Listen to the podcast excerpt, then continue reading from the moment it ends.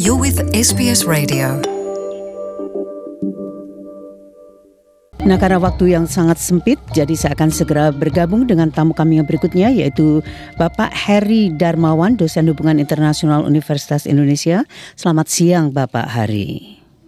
Selamat siang Ibu Sri. Dan juga Ibu Dian Irawati, anggota masyarakat Indonesia di Christchurch. Selamat jumpa kembali Bu Dian. Selamat jumpa, jumpa kembali Ibu Sri, apa kabar? Bagus Ibu, bagus. Nah, Alhamdulillah. cuma saja ya kita agak sedih dengan apa yang terjadi di Sri Lanka itu. Nah, Iya. karena waktu sangat sempit sekali, jadi saya akan langsung saja bahwa Bapak dan Ibu akan membahas tentang Anzac Day itu atau Hari Anzac itu sendiri. Bapak kalau untuk Indonesia sendiri ini bagaimana tanggapannya tentang Hari Anzac itu sendiri? Eh, Anzac Day apabila kita maknai sangat menarik ya untuk dibahas ataupun dari peristiwanya sendiri maupun mengenai peringatannya. Karena kan memang Anzac Day itu berlangsungnya sudah lama ya pada era Perang Dunia Pertama itu kan di Gallipoli. Cuma memang kemudian masyarakat Australia kemudian juga Selandia Baru itu memaknainya sangat mendalam.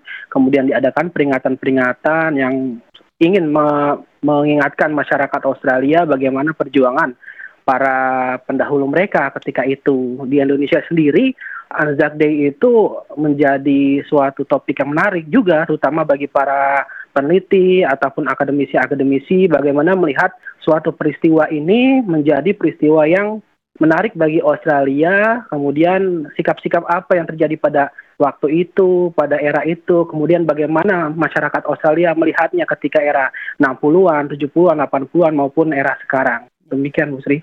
Terima kasih Bapak. Menarik sekali. Ini Bapak sudah langsung me- me- menunjuk era eh, 60-an, 70-an dan 80-an itu. Karena era-era tersebut itu at- atau dasawarsa dasawarsa tersebut itu kan itu mengacu pada perang Vietnam itu kan Bapak. Selama ini memang selalu kalau kita berbicara Anzac itu selalu Gallipoli.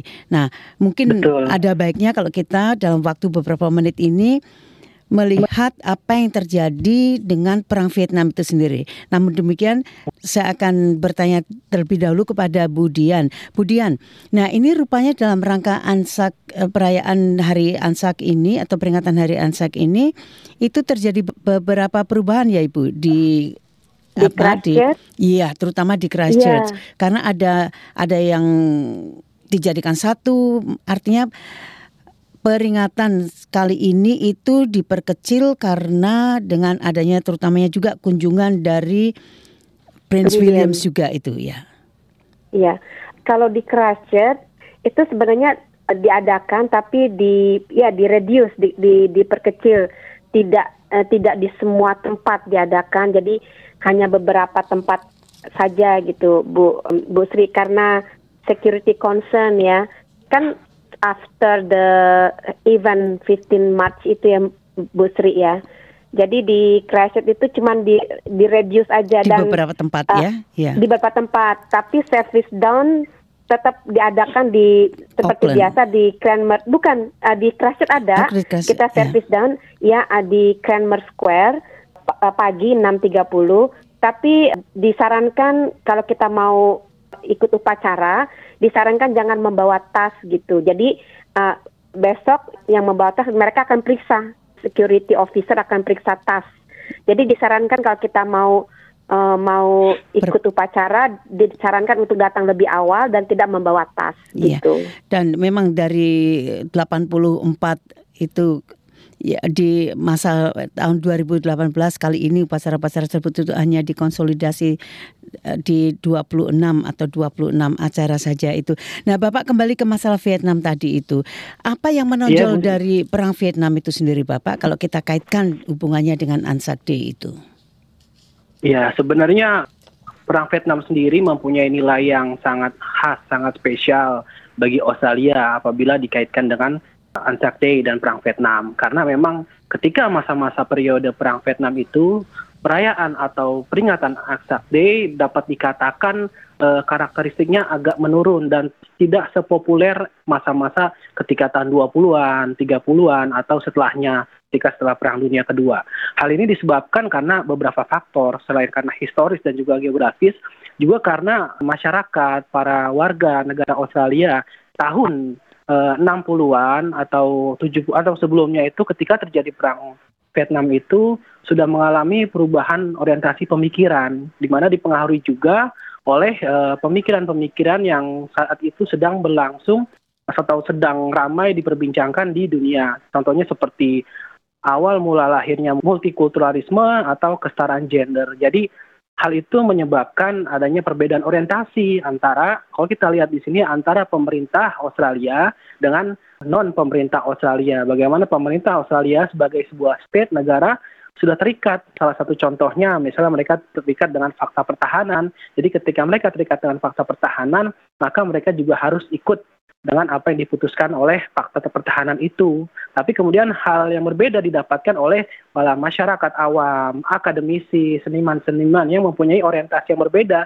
mengenai perang Vietnam apabila dikaitkan dengan Anzac Day. Jadi intinya adalah bahwa ketika awal-awal 20-an, 30-an dan setelahnya itu Anzac Day lebih berorientasi kepada nilai-nilai militer yang dapat dijadikan unsur kepahlawanan, maka ketika tahun 50-an, 60-an itu tidak hanya nilai-nilai militer, tapi juga ada nilai-nilai persahabatan, persaudaraan yang kemudian menjadi bibit lahirnya dari nasionalisme Australia.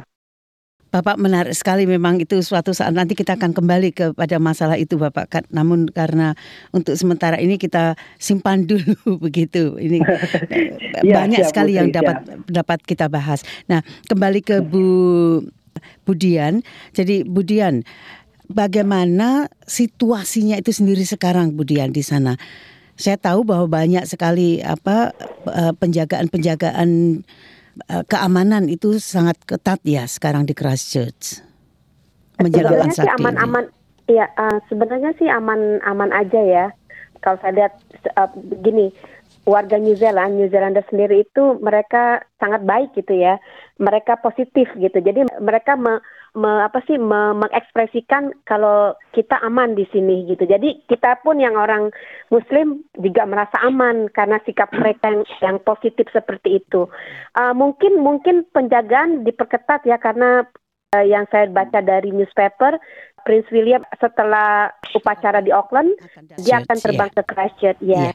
Jadi terima kasih sekali Budian Irawati dan ya, kalau besok sama-sama. ikut ikut itu menghadiri upacara ya di down, semoga, ya. ya semoga semuanya berjalan dengan lancar dan aman. Ya. Demikian juga Amin. Bapak Hari Darmawan terima kasih atas partisipasinya Sama-sama, Bapak Ibu Sri. dan sampai Sama-sama. jumpa di lain kesempatan Bapak. Sampai jumpa Ibu sehat dan sukses selalu. Tell us what you think. Like us on Facebook or follow us on Twitter.